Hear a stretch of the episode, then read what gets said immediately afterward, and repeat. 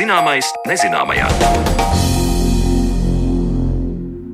Esiet sveicināti raidījumā Zināmais nezināmajā. Turpmāko stundu ar jums kopā būšu es Sandra Kropa, un šodien mūsu uzmanības lokā būs nonācis ANO klimata samits, kas šogad pulcēs starptautisko sabiedrību Skotijā. Laikā, kad piedzīvojam pirmo klimata pārmaiņu izraisīto badu pasaulē un emisiju apjomu pēc Parīzes nolīguma nevis sarūk, bet aug, klimata konference šogad likusi uz sevi lielas cerības. Kādu nākotni iezīmē zinātnieku teiktais un kā valstis veidos savu turpmāko enerģētikas un lauksēmniecības politiku? Par to runāsim jau pavisam drīz, bet pirms tam pievēršamies bada anatomijai. Pandēmija, klimata pārmaiņas un konflikti dažādos pasaules reģionos veicinājusi bada izplatību. Kas ir jāēd, lai cilvēks spētu izdzīvot, un vai cilvēka organisms var uzņemt sev nepieciešamās vielas no vienveidīga uztura, kādu uzņem badas kartajos reģionos? Par to interesējās mana kolēģe Zane Lāce Baltalksne. Kamēr rietumu pasaulē aizvien vairāk runā par aptaukošanos kā 21. gadsimta sērgu, tikām miljoniem cilvēku ir uz bāda robežas. Kā var lasīt vācu raida organizācijas Deutsche Welle interneta portālā, tad šobrīd uz bāda robežas ir 45 miljoni cilvēku 43 pasaules valstīs. Cēloņi tam ir gan covid krīze, gan klimata izraisīts sausums un dažādi konflikti un ir nepieciešami 7 miljardi dolāru, lai nākamajā gadā nodrošinātu vienu porciju dienā vienam cilvēkam. Tajā pašā laikā ir tautas, kuras tieši bats neskar, bet ikdienas uzturs gadiem ilgi ir visai pieticīgs, vienveidīgs un vitamīniem nabadzīgs. Piemēram, inuīti, kuru maltīte sastāv no zivīm, vai Mongolijas stepēs dzīvojošie, kuri pārtiek no gaļas un piena produktiem. Kā šo cilvēku organisms uzvedas uzņemot vienveidīgu pārtiku, to attālināti ierakstītā sarunā jautāju Rīgas Stradiņu universitātes asociētai profesorei, dietoloģijai Lailai Mējai. Šiem cilvēkiem Protams, ir ļoti daudz obaltumvielas, viņiem ir ļoti daudz dzels uzturā, bet ir maz dārzeņu un augļu, līdz ar to ir maz atbilstošie ūdenī šķīstošie vitamīni, C vitamīns, folskābe, arī šķiedrvielas nav pietiekami, un tā lielākā nelaime jau, protams, ka arī šajos reģionos cilvēki aizvien vairāk sāk lietot rūpnieciski pārstrādātu pārtiku, kas pamatā ir cukuri, tauki un daudz kaloriju kalorijas. Sakiet, kas notiek ar eh, cilvēka vielu maiņu pie šādas vienveidīgas pārtikas?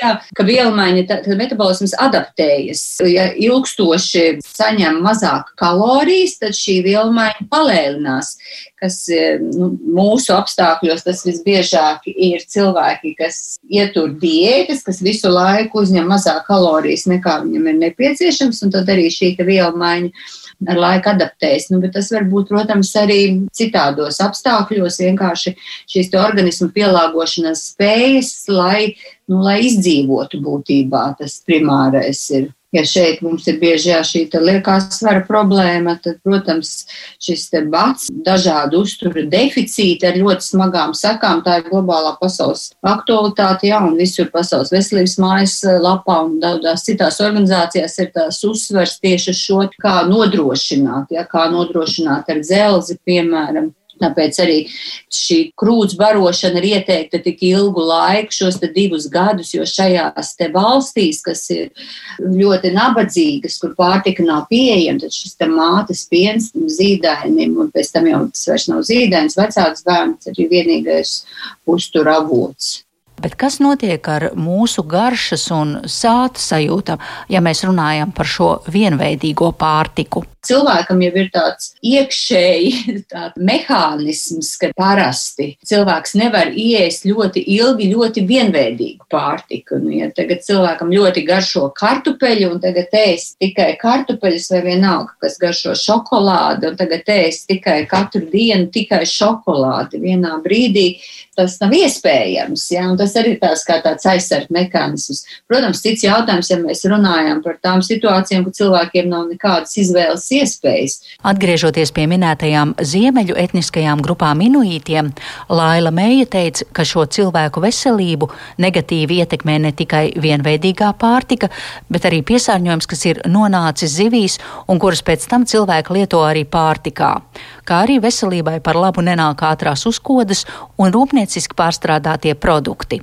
Kas ir interesanti par šiem te pašiem inuītiem, ka būtībā, jā, tur jau labu laiku atpakaļ šīs zinātniskās publikācijas, ja kaut arī viņi ēd uztur kā ļoti vienveidīgu, jā, bet ir maz šo eh, sirds slimību, infarktu un tam līdzīgu. Bet patiesībā rūpīgāk pētot, ir skaidrs, ka šie infarkti un sirds slimības ir vienkārši arī ļoti slikti reģistrētas un ir dati, jāpat kā arheoloģiskos izrakumos arī šiem te nu, ir senčiem ir bijuši arī infarkti, artēriju bojājumi jau ļoti agrā vecumā, varētu teikt. Un pašlaik ir tā situācija tāda, ka šī grupa Viņiem ir vairāk visa veida slimības, un visvairāk viņi ir pētīti tieši Kanāda ir pētīta un, un Grenlandes iedzīvotāji, tātad tieši šīs sirds slimības, kas ir infarkts, insults, arī diabēts, arī aptaukošanās. Un viņi dzīvo īsāk, ja salīdzina ar pārējiem iedzīvotājiem šajās valstīs.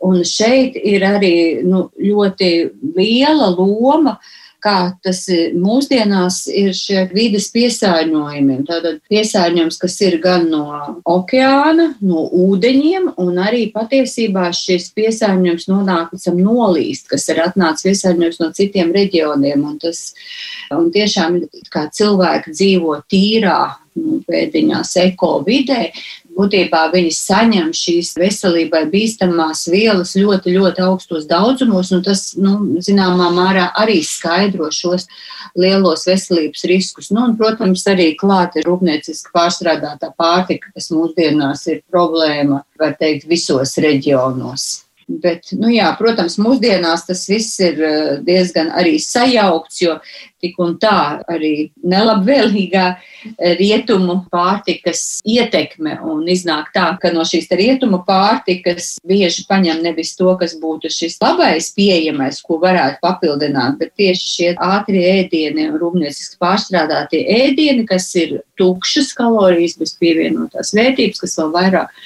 pasliktina šo metabolo situāciju, nu jā, un palielina dažādus riskus.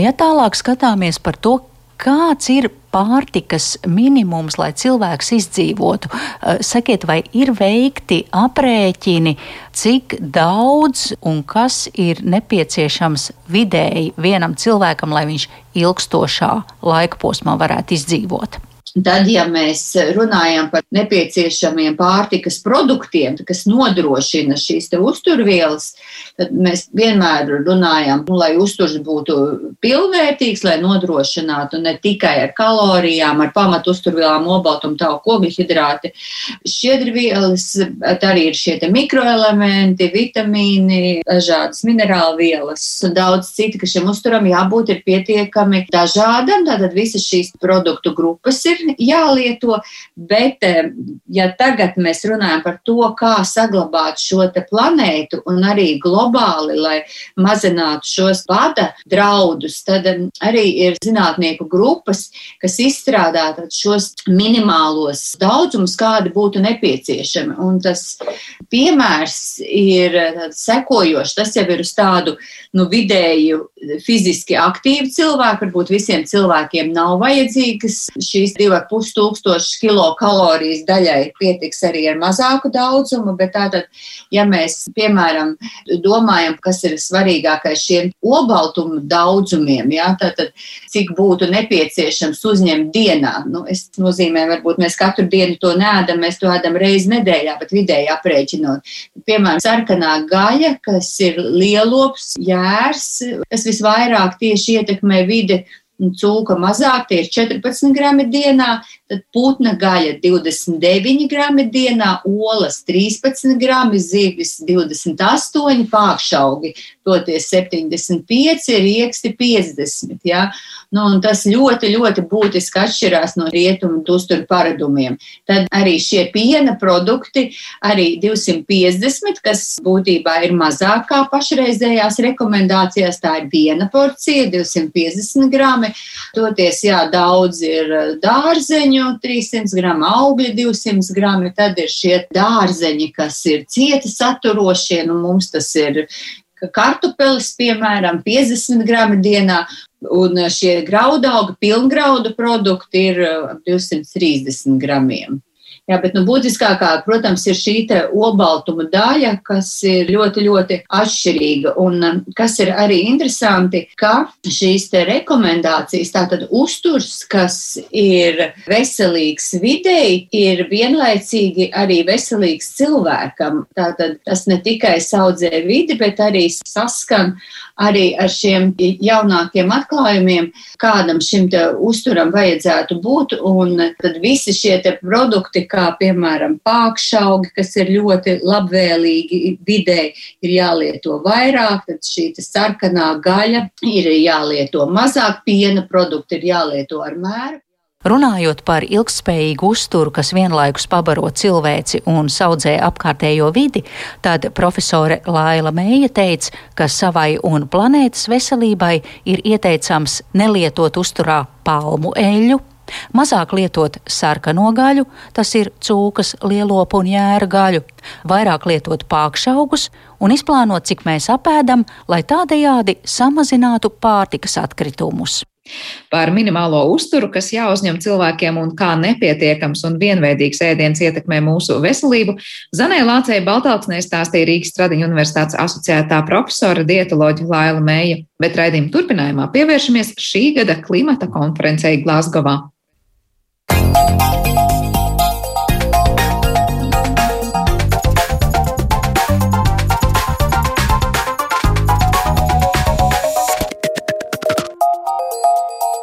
Zināmais nezināmajā.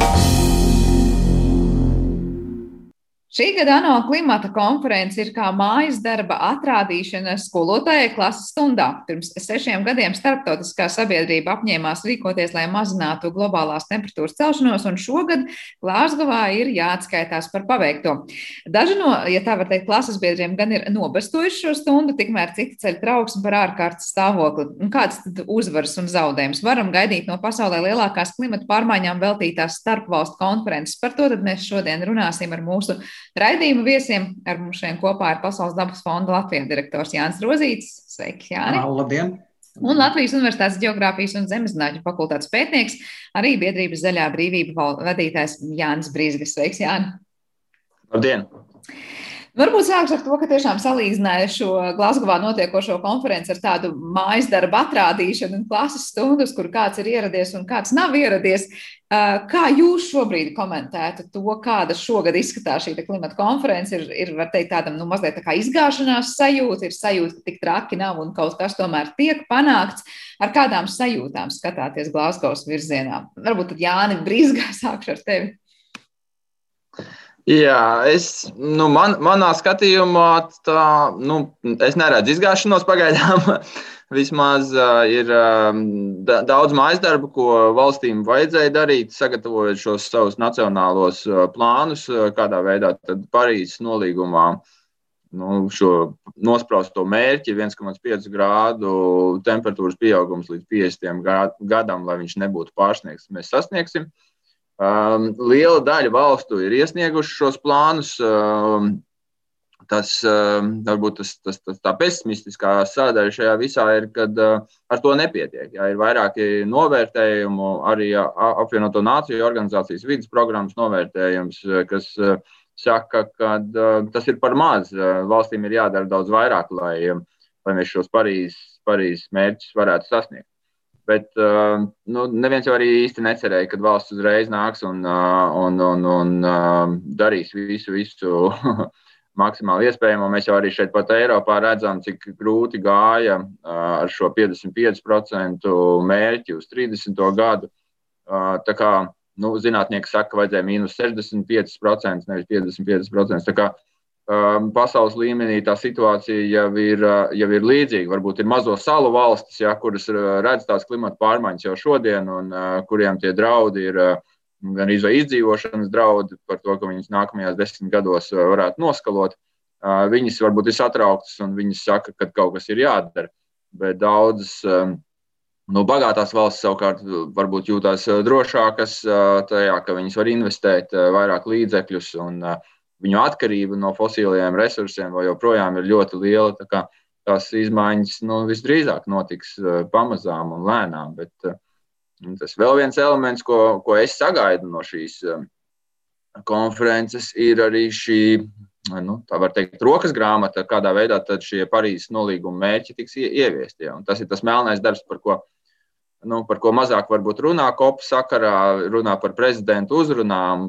Tās, protams, ir daļa no globālās diplomātijas, bet um, tas nav īsti saistīts tik daudz tādā tiešā veidā ar, ar to Parīzes mērķu uh, aprēķiniem, metodēm un dažādām tādām tehniskākām lietām, kas ir uh, arī ļoti būtisks un nepieciešams, ja kādā veidā mēs mērīsim un uh, uzskaitīsim šo mērķu sasniegšanu. Un, un, tas, tas bieži vien ir tas virzošais spēks, ja, kas valstīm liek kaut ko darīt. Vai, vai... Bet cik tālu ar šo rokas grāmatu šobrīd izskatās, ka tur virzāmies un, un tā būs, un tā būs precīzi un, un skaidri aprakstīta, vai tur būs daudz vēl diskusiju un, kā saka, to trūkstošo punktu? Rokas grāmata top jau piecus gadus kopš Parīzes nolīguma. Tas nav tā, ka valstu pārstāvji sanāk kopā tagad Glasgowā un tagad sāk domāt. Uh, Šeit vairāk varbūt ir tāda dažādas politiskas diskusijas par to, kas, kādā aprēķina metodas, kādas tad, tad ir jaunākie zinātniskie atklājumi, kādā veidā tas ir izdevīgs vai nav izdevīgs kādai no dalību valstīm. Un tur, protams, var, nu, tas ir galā lēmums, tomēr tas ir politisks. Līdz ar to arī tā, tā zinātne var sākt šķobīties un, un bīdīties kādu politisku interesu virzienā. Uh, Pagaidām nu, tādi lieli riski man nav dzirdēti. Jā, varbūt Jānis Rozītam ir kādi, kādi vēl komentāri no Pasaules dabas fonda pozīcijām, bet nu, es līdz šim tādus radikāli lielus riskus neesmu dzirdējis, ka nu, viss tā matemātika tiks pār, pār, pār, pārtaisīta par kaut ko pilnīgi jaunu. Salīdzinoši optimistiski noskaņots ar Jānis Brīsku. Jāni Rozīti, kā ir ar tevi? Nu jā, nu, laikam jau līdzīgi kā Jānis Brīsīs teica, nu, tā situācija tā, tāda, nu, es gribētu teikt, duāli vērtējama ir, jo mēs arī zinām, ka ļoti daudz ir demonstrācijas, tiek pavadīja šo COP26 un, un ne tikai uz vietas, norises vietā, bet arī citvietā pasaulē, ka sabiedrība gaida daudz skaidrākus un konkrētākus solījumus ne tikai tāds ļoti vispārējs paziņojums, bet, ja mēs paskatāmies, protams, ka nu, vēl jau um, turpinās darbs, un šobrīd mēs vairāk tiešām pievēršam uzmanību tai vienai no tām sadaļām, tā saucamai mēģi stiprināšanai. Jo, kā jau Jānis atzina, nu, tas, kas bija iesūtīts sistēmā Parīzes nolīguma, iezīmēja, ka tā virzība 2,7 grādos. Tagad es redzu, ka kaut kāda jau nu, ekspertu aplēses ir, ka varētu zem diviem grādiem jau pa, paiet tas, kas vismaz tiek šobrīd jau pārunāts. Bet, eh, protams, jautājums jau ir par to, ko jau Jānis, ko Jānis pieminēja saistībā ar šo metodiku. Nu, kā tad mēs pārbaudīsim šo progresu un vai vispār būs šī datu savietojamība? Jo nu, mēs zinām, ka šajā situācijā piedalās tik ļoti dažādas valstis. Izvērtējumā tā ir Ķīna, Indija, Krievija, ASV šīs pieminot šās lielās ekonomikas, Japānu un tā tālāk, mēs varam iet uz, nu, pēc tam turpat uz 200 valstīm. Bet tālāk vēl ir citi jautājumi, ko vēl patreiz vēl mazāk runā, proti par to, kāda būs šī um, kvotu tirzniecība, tās patiesā vērtība un cik liela būs šī pozitīvā vai negatīvā ietekme. Tāpat mēs eh, vēl joprojām ir karstie punkti, kas tiek prognozēti, kur nav īsti vēl tās sarunas nopietni attīstījušās, proti, kādi būs finansējuma nodrošinājumi attīstības valstīm, eh, vai eh, un kā spēs vienoties valsts par šiem finansējumiem. Un proti, vēl viens jautājums ir eh, cilvēku un dabas adaptācijas iniciatīvas un cik tām būs šis finansējums pieejams. Un šie ir tādi mm, vēl jautājumi, kas, manuprāt, turpināsies. Bet, nu, ir, protams, kad ir kaut kādi jau tie pirmie sasniegumi, sas, ko mēs redzam arī publiskā telpā, proti, gan simts valstu līderi solījumi cīnīties pret meža izciršanu. Protams, šis jautājums ir dažādi vērtējams um, un skatāms, un mēs to izprotam Brazīlijas gadījumā, uh, Krievijas gadījumā, piemēram, Eiropas Savienības gadījumā, ko Eiropas Savienības viena vai tā ir Spānija, Vācija vai Latvija, ko tas īsti nozīmē un kā mēs to saprotam. Tad, protams, ir vēl tas, ka šīs metāna emisijas samazināja par 30%, kam 100 valstis pievienojās arī šai schēmai. Tas ir noticis šajās dienās, bet tāpat laikā Ķīna, Krievija, un Indija nu, ir bijušas ļoti atturīgas. Un proti, arī vēl visbeidzot, kas ir tāds nu, pēdējais, manuprāt, lielais notikums, kas ir noticis pagājušajā nedēļā, šīs 40 valstis ir paziņojušas par iešanu prom no oglēm. Um, nu, proti, ne rītā, bet vismaz 2030. gadu un, un, un, un, un, un 2040. gadā, es nemaldos, šīs attīstības valstīs. Un tie ir tādi, nu, es gribētu teikt, lieli trīs pagrieziena punkti, ja mēs neskaitām vēl ceturto šie 130 triljoni neaptverams naudas summas. ASV dolāri, kas no privāto investīciju puses varētu būt tik novirzīti uz tīrām tehnoloģijām. Nu, šī ir tā četras lietas, kas ir notikušas, manuprāt, par ko jau var nu, būt tāds nedaudz optimistisks.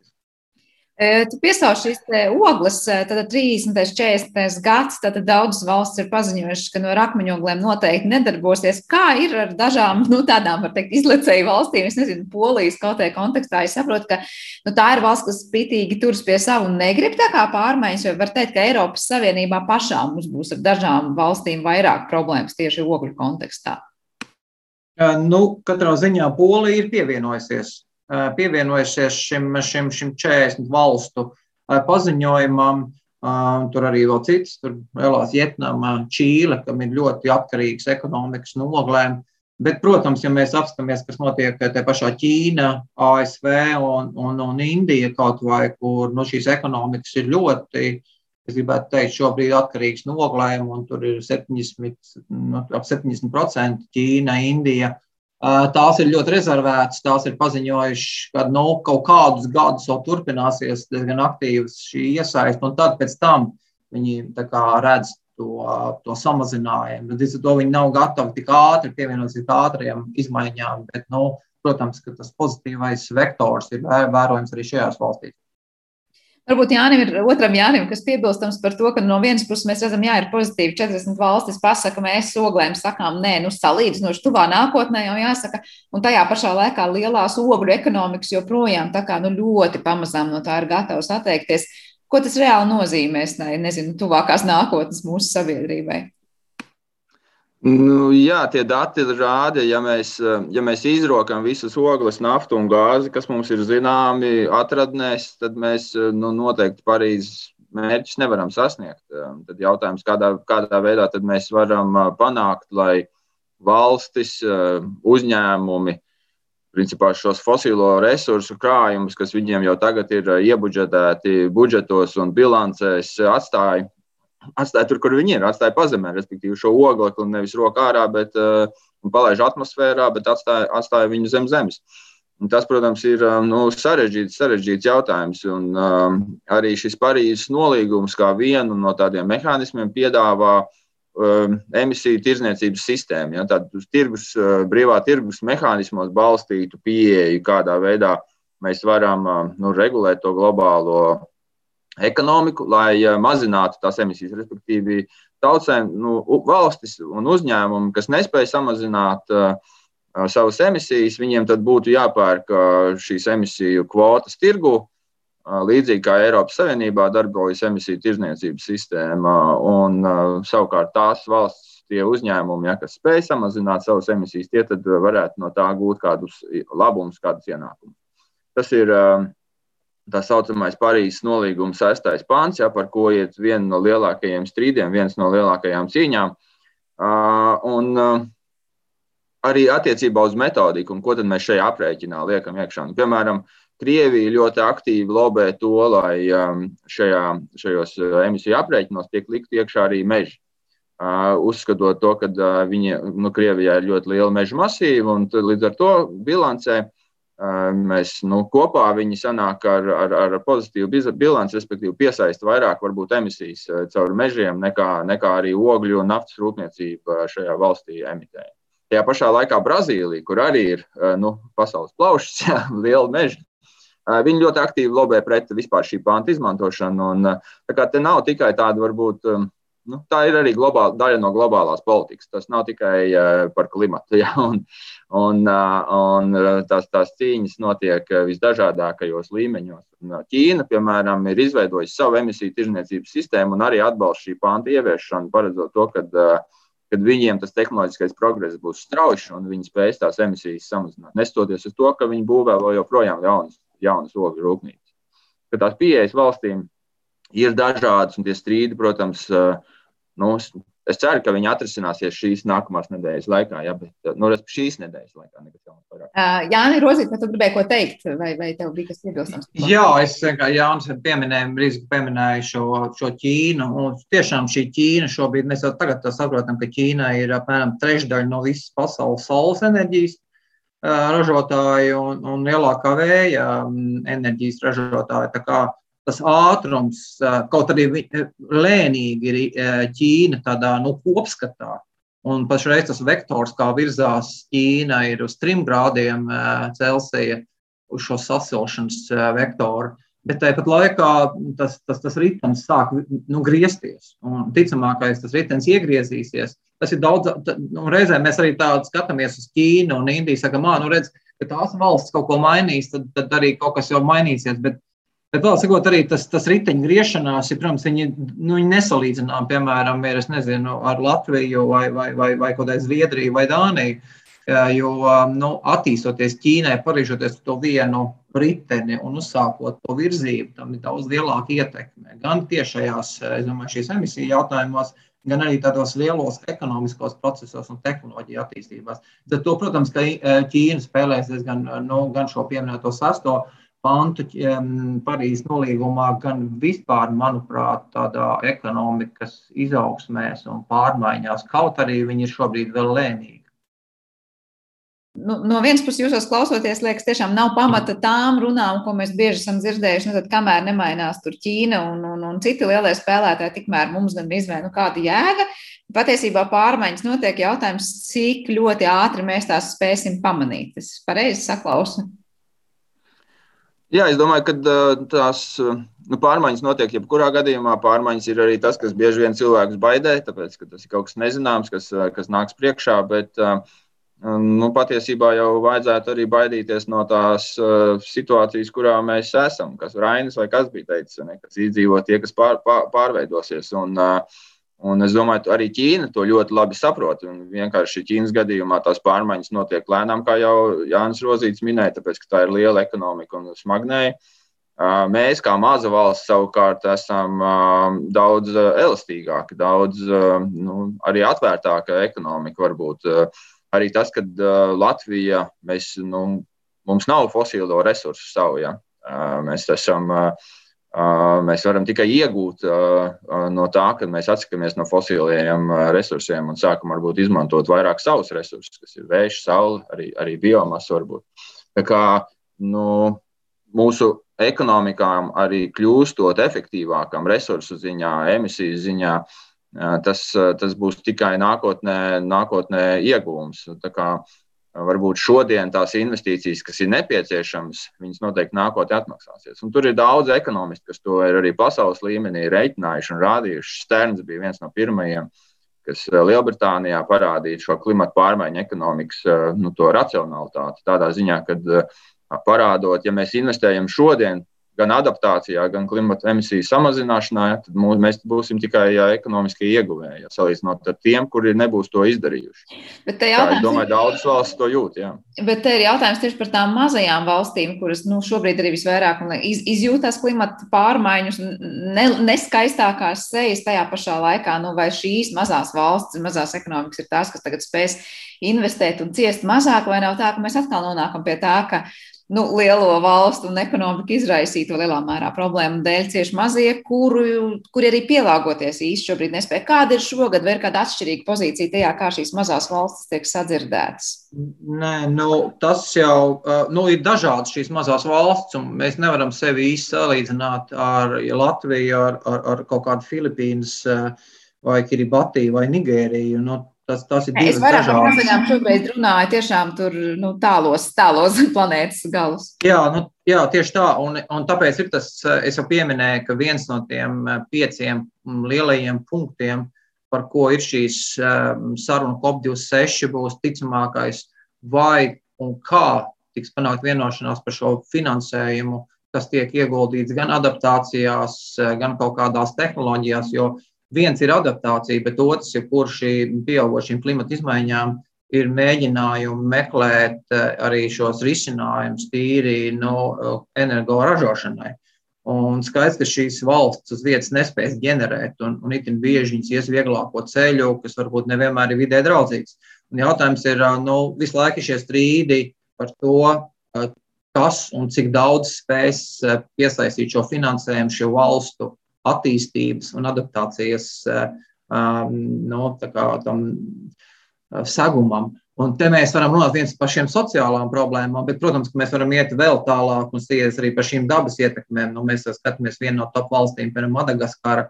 Uh, viens ir šī, šī, es gribētu teikt, nu, cilvēku sociālo sistēmu ietekmi saistībā ar klimatu pārmaiņām. Bet mēs reizē zinām, ka Madagaskārā, es gribētu teikt, ir arī no bioloģiskās daudzveidības ziņā, ja mēs varam lietot vārdu paradīze, ļoti daudz tādām endēmiskām sugām un, un, un ļoti bagātu valsti. Tad to šīs klimata izmaiņas tiešākā mērā vairs neiet runa tikai vienīgi arī par sociālām ietekmēm, bet nu, mēs pilnīgi skaidri izprotam, ka tās ir milzīgas ietekmes arī uz dabas sistēmām. Tu pieminēji Madagaskaru, un savukārt šī nu, klimata konferences kontekstā nevar nepamanīt to, ka vismaz nu, viņa virsraksta vēsta, ka Madagaskara šobrīd piedzīvo pirmo saskaņā ar ANO pārtiks programmu nodefinēto klimata pārmaiņu izraisīto badu.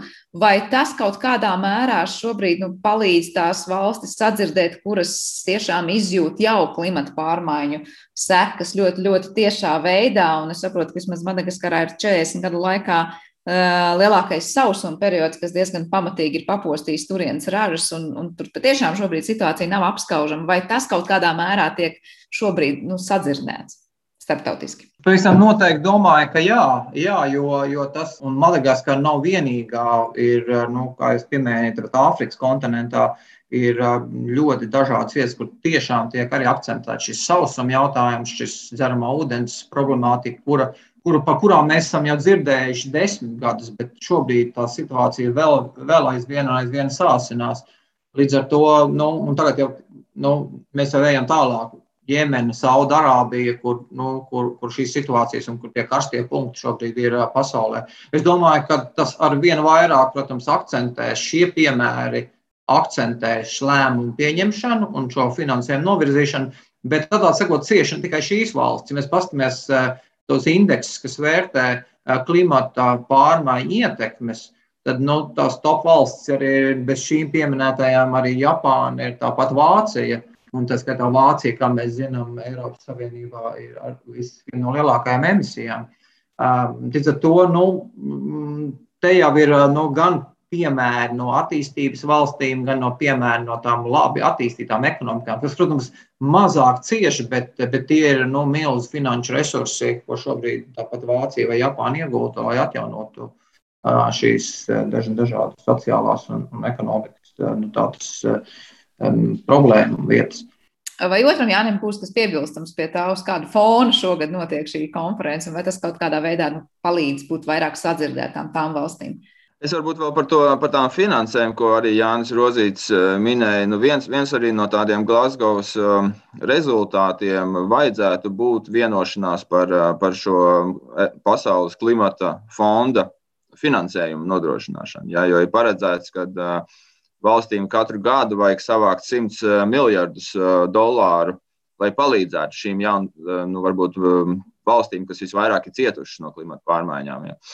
Līdz šim tie 100 miljardi nav savākti, bet nu, daudzas valsts ir salīdzinoši lielas summas nosolījušas un ieguldījušas šajos, šajā fondā. Ja. Un tas nu, līdzīgi kā nezinu, Latvijā, piemēram, pašvaldību izlīdzināšanas fonds, ja, kur, kur turīgākās pašvaldības iemaksā kopējā fondā, lai palīdzētu pārējiem. Un šajā gadījumā varbūt tā atbildība ir vēl lielāka, tāpēc, ka tās maksātāju valstis jau parasti ir tās turīgākās, kas savu ekonomiku principā ir uzbūvējušas uz šīm fosilajiem resursiem ja, un ir atbildīgas par tām klimatu pārmaiņām. Mazo salu valstis noteikti celsies kājās konferencē un teiks, ka mūsu emisijas ir bijušas niecīgas vēsturiski, ja, bet mēs esam tie, kas visvairāk ciešam. Tā kā šeit tas globālā taisnīguma aspekts noteikti parādās. Un, viņš, ir, viņš ir tāds svarīgs princips, kas principā arī pašā klimata konferences nu, pamatā, arī, arī konvencijā, viņš ir jau no 90. gada ielikts kā, kā tāds stūrakmens, ja, ka viņš ir jāņem vērā. Mēs nevaram ignorēt to, kas ir bijis vēsturiski, un tagad teikt, labi, tagad mēs pārtraucam lietot naftu, gāzi un ogles. Uh, un, un mums ir labas tehnoloģijas, bet tiem, kuriem nav, nu, tie tieciet galā paši. Šī, šis globālais taisnīgums šeit, šeit spēlē lomu, bet, protams, arī, arī, arī te jāskatās, ka nu, valsts jau mēģina tās savu labumu iegūt. Jā, arī tās tehnoloģijas vai tos finansējumus piesaist varbūt tādās jomās, kas viņām pašām pēc tam ir izdevīgi un, un, un varbūt kur viņu uzņēmumi pēc tam var braukt uz Āfriku un palīdzēt. Nu, kaut ko, kaut ko būvēt vai attīstīt. Jāsaka, nu, ja, saskatīt iespēju arī šajā situācijā, pavisam noteikti tas, ko mēģina darīt valstis. Es vēl gribēju parunāt, jūs te sākumā par enerģētiku skaisti stāstījāt, kādas ir tās apņemšanās un kur tomēr kaut kāds progress ir jūtams, neatkarīgi no tā, ka ir valsts, kas tomēr no akmeņogliem vēl tik ātri neatteiksies. Kā ar lauksaimniecību? Es saprotu, ka arī daudzas valstis ir paziņojuši, nu, kad ir kopā ar industrijām, ka ir gatavas, var teikt, pārorientēt savu lauksaimniecību uz vairāk tādu ilgspējīgas lauksaimniecības prizmu, eh, cik pozitīvi vai eh, optimistiski, pesimistiski jūs esat noskaņot tajā, kā globāli mēs eh, tuvākajā nākotnē spēsim pārorientēt to, kā pasaule mūs baro, cik ilgspējīgi vai neilgspējīgi tas notiks un ar cik lielām emisijām te būtu jārēķinās. Būtu jāņem rozītam došu vārdu. Es domāju, ka skaidrs, ka nu, nu, mēs visi apzināmies, ka uh, lauksaimnieciskām pārtikas ražošana kopumā ir nu, teikt, viens no tādiem lieliem emitētājiem. To, tas ir gan Eiropa, gan, gan, gan globāli. Uh, bet tāpat laikā nu, tas jautājums par pārtikas nodrošināšanu uh, ir vēl joprojām aktuāls. Uh, tie risinājumi, kā vispār skatās to nāk, tā, tie futuriskie risinājumi ir pilnīgi citi šobrīd. Un, un, un varbūt šodien mēs par to vēl nerunāsim, bet es domāju, tas pirmais ceļš ir proti meklēt, kādā veidā mazināt emisijas. Bet tāpat laikā nu, tur ir krustugunis, ko arī Latvijā mēs tādā miniatūrā dzirdam no Latvijas lauksaimniekiem. Nu, kā tad mēs uh, Nu, nu, ja mēs vēl atradīsim ceļu, kā mazināt emisijas, tad nu, tādā ziņā atkal mums būs pieaugs arī citi ietekmi uz vidi caur, caur piesārņojumu, caur, auga aizsardzības līdzekļu lietošanu un tam līdzīgi. Bet, nu, tas, tas, protams, tas, tas, tas, kas būs jāpanāk, būs jāpanāk gan viens, gan otrs. Kā jau teicu, šī klimata neutralitāte nedrīkst būt uz vidas piesārņojuma vai bioloģiskās daudzveidības viedokļa. Ar to nu, tās, tās sarunas noteikti būs, jo šis pārtiks ražošana ir ļoti dziļi komplekss jautājums. Viens ir šīs sociāls jautājums, bet otrs ir arī tas, ka eh, mēs ļoti daudz pārtikas vēl joprojām, nu, teikt, izniekojam, eh, gan tīri šī pārstrāde un tālāk pielietojums, eh, gan tāpat laikā pat ražošanas process. Un es gribētu teikt, ka tur ir nu, tas jautājums ir ļoti dziļš. Tas nav tikai un vienīgi, kā mēs reizēm runājam par to, kā mēs audzējam jāstāsta viss tā ķēde un, un šīs ķēdes ietekme uz vidi kopumā un uz emisijām. Bet kādā ziņā šīs sarunas tiešām, kā jau minēji, un, un veiksmīgi tieši trāpīja karstajā punktā, tiešām šīs, pār, šīs lauksainicības sarunas arī norisinās. Nu, tas ir gan kopā ar zemes lietojumu un zemes lietojumu emisijām, gan atsevišķi. Jā, par pārtiku mēs esam runājuši daudz, un tas ir atsevišķs stāsts vērts, protams, ko vēl varam runāt un turpināt šos jautājumus eh, virpināt. Bet pamazām noslēdzot šo sarunu, es vēl gribēju jautāt, nu, es skatos par to, kā jūsuprāt tas izskatās no malas, ka daudz tomēr lielvaras nav apmeklējuši šo konferenci. Nu, mēs runājam par Saudārābiju, Ķīnu, Krieviju, pat Austrāliju, ASV ir aizbraukusi ātrāk no turienes. Vai tas, jūsuprāt, ir kaut kāds signāls starptautiskajai sabiedrībai, kas atkal var sakustināt šīs runas? Nu, ko tad mēs tāpat Latvijā kaut ko mazim, ar savu mazumiņu emisiju centīsimies ko mazināt, bet citas valsts varbūt to visu ignorē? Vai jūsuprāt, tas nav tik pesimistisks tonis un tik traki nav redzot, kas notiek ar šo valstu vadītājiem, proti, to klātbūt, ne, klātbūtnes nesamību konferencē? Uh, varbūt sākšu ar Jāni Brīsgu un pēc tam ar Jānu Rozīti arī šīs Latvijas aspektu noslēgšot sarunu. Jā, es, es, es to saskatu kā tādu daļu no šīs globālās klimata politikas, kur, protams, valstis spēlē šo diplomātisko spēli un uh, mēģina panākt sev kaut kādā veidā labvēlīgus, labvēlīgus lēmumus, labvēlīgus risinājumus. Un, protams, tas ir simbols, ka valsts neierodas augstākajā līmenī, nepiedalās, nepiedalās konferencē.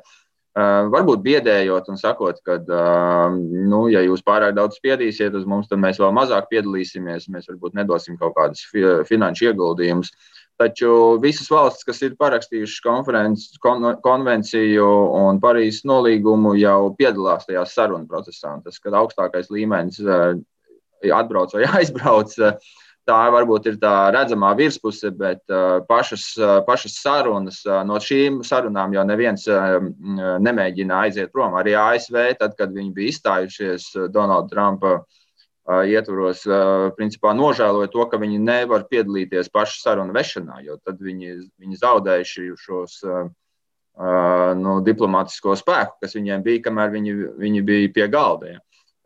Es domāju, ka nu, šo mācību droši vien daudzas valstis negrib vēlreiz piedzīvot, un, un labāk ir būt daļai no diskusijām un sarunām, nekā skatīties uz to no malas. Jā, vairāk nekā pieņemt vienkārši, ko nolemt citi par mums, bet piedalīties procesā un lemt pašiem.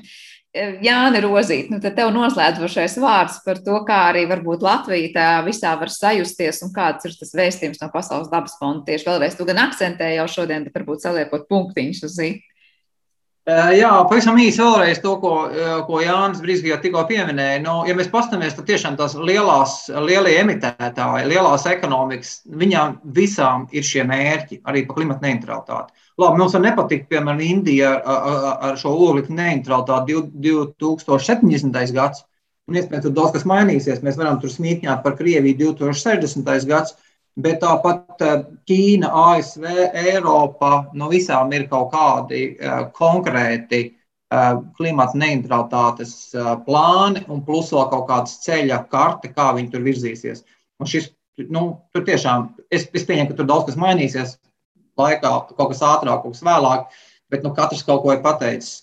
Bet par Latviju es domāju, kur tā Latvija ir šajā visā. Nu, man liekas, ka tā pastoties no malas un, un, un Latvijā aizbraucot, manuprāt, ir tādi divi akcenti, kas būtu, kur Latvijai ļoti aktīvi būtu jāiestājās. Nu, viens ir tas, varbūt tas globālais, šis uh, nu, jāizstāv aktīvi šī dekarbonizācija un iešana projām.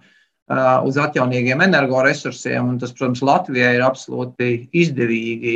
Mēs pēc tam tādā vidējā termiņā, pēc tam noteikti un ilgtermiņā.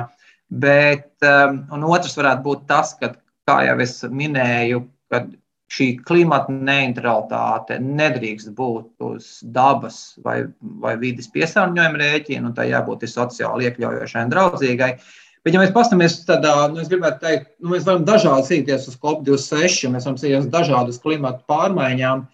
Un kāds no mums skatās par to, kā tas būs nākotnē, nākamajām paudzēm, kāda būs tā dzīves telpa un kāda izskatīsies planēta no dažādiem viedokļiem. Bet daudz no, no šīs dienas klausītājiem ir arī nu, tādi nu, ļoti racionāli cilvēki, kuri domā, tā, nu, kā tas būs pēc diviem vai pieciem gadiem, kas man no tā visa būs, vai arī manam darba vietai vai manai ekonomikai. Tad es gribētu teikt, ka eh, nu, es tā ātrumā redzu trīs lietas. Viens ir tas, ka eh, Latvijai piedaloties aktīvi, vai arī atkal nepiedaloties aktīvi šajā neutralitātes ceļā. Es domāju, es domāju, ka tas būs pavisam drīz jau būs reputācijas un tēla jautājums. Un visās jomās, ne tikai ekonomikas vai vidas izpausmēs, es domāju, tas būs jebkurā sociālā vai kultūras jomā. Šī klimata neutralitātes ceļš, jo tas tiešām nu, tiks akcentēts vēl vairāk un vairāk. Tas pats noteikti būs tiesiskās saistības reģionāla Eiropas saimnības kontekstā, jo šobrīd ar vien vairāk tie, visi šie virzieni tiek noteikti kaut kādiem kvantitīviem mērķiem, kas tiek sasniegti, kas plānoti sasniegt, kā sasniegt. Līdz ar to nu, Latvija diez vai varēs metodikas ietekmēt vai, vai arī kādā veidā atteikties no mērķiem. Tas atkal var būt aiz muguras sankcijas vai soda naudas. Un visbeidzot, es domāju, privātajā komercsektora intereses un investīciju piesaiste. Skaidrs, ka Latvijas veiksme ir eksportā. Un citām valstīm esot soli priekšā, tas var nozīmēt augstākus nosacījumus gan tirzniecībā, gan arī Latvijas konkurētspējā. Līdz ar to es domāju, ka šis jautājums nu, nav jau vairs tikai jautājums par vides kvalitāti. Tas jautājums jau ir tiešām par socioekonomiku, par to, kā mēs varēsim dzīvot labklājībā un arī kā mēs varēsim nodrošināt uzturēt savu ekonomiku. Jā, tas vairs nav tikai par klimatu, vidi un dabu. Tas ir patiesībā stāsts par visu nākotnes attīstību tuvākajos gados. Paldies jums abiem par šo sarunu un to, ka palīdzējāt ieskicēt šo apjomīgo klimata konferenci tādos dažos aspektos un arī to saistību parādot ar to, kā tas ietekmēs mūsu katru dzīvi. Visticamāk, tuvākajā nākotnē, ja mēs, kā saka, ietu tikai un vienīgi kaut kādu savu ceļu. Atgādināšu, ka Pasaules dabas fonda Latvijā direktors Jānis Rozīts, kā arī Latvijas Universitātes geogrāfijas un zemesnāķu fakultātes pētnieks un biedrības zaļā brīvība vadītājs Jānis Brīsks šodien pie mums viesojās studijā. Un par šo raidījumu parūpējās producents Paula Gulbīnska, kā arī mūzikas redaktors šai stundē bija Girds Bišs, savukārt ar jums kopā es Sandra Kropa. Vēlēšu mums visiem jauku dienu un uz tikšanos jau pavisam drīz.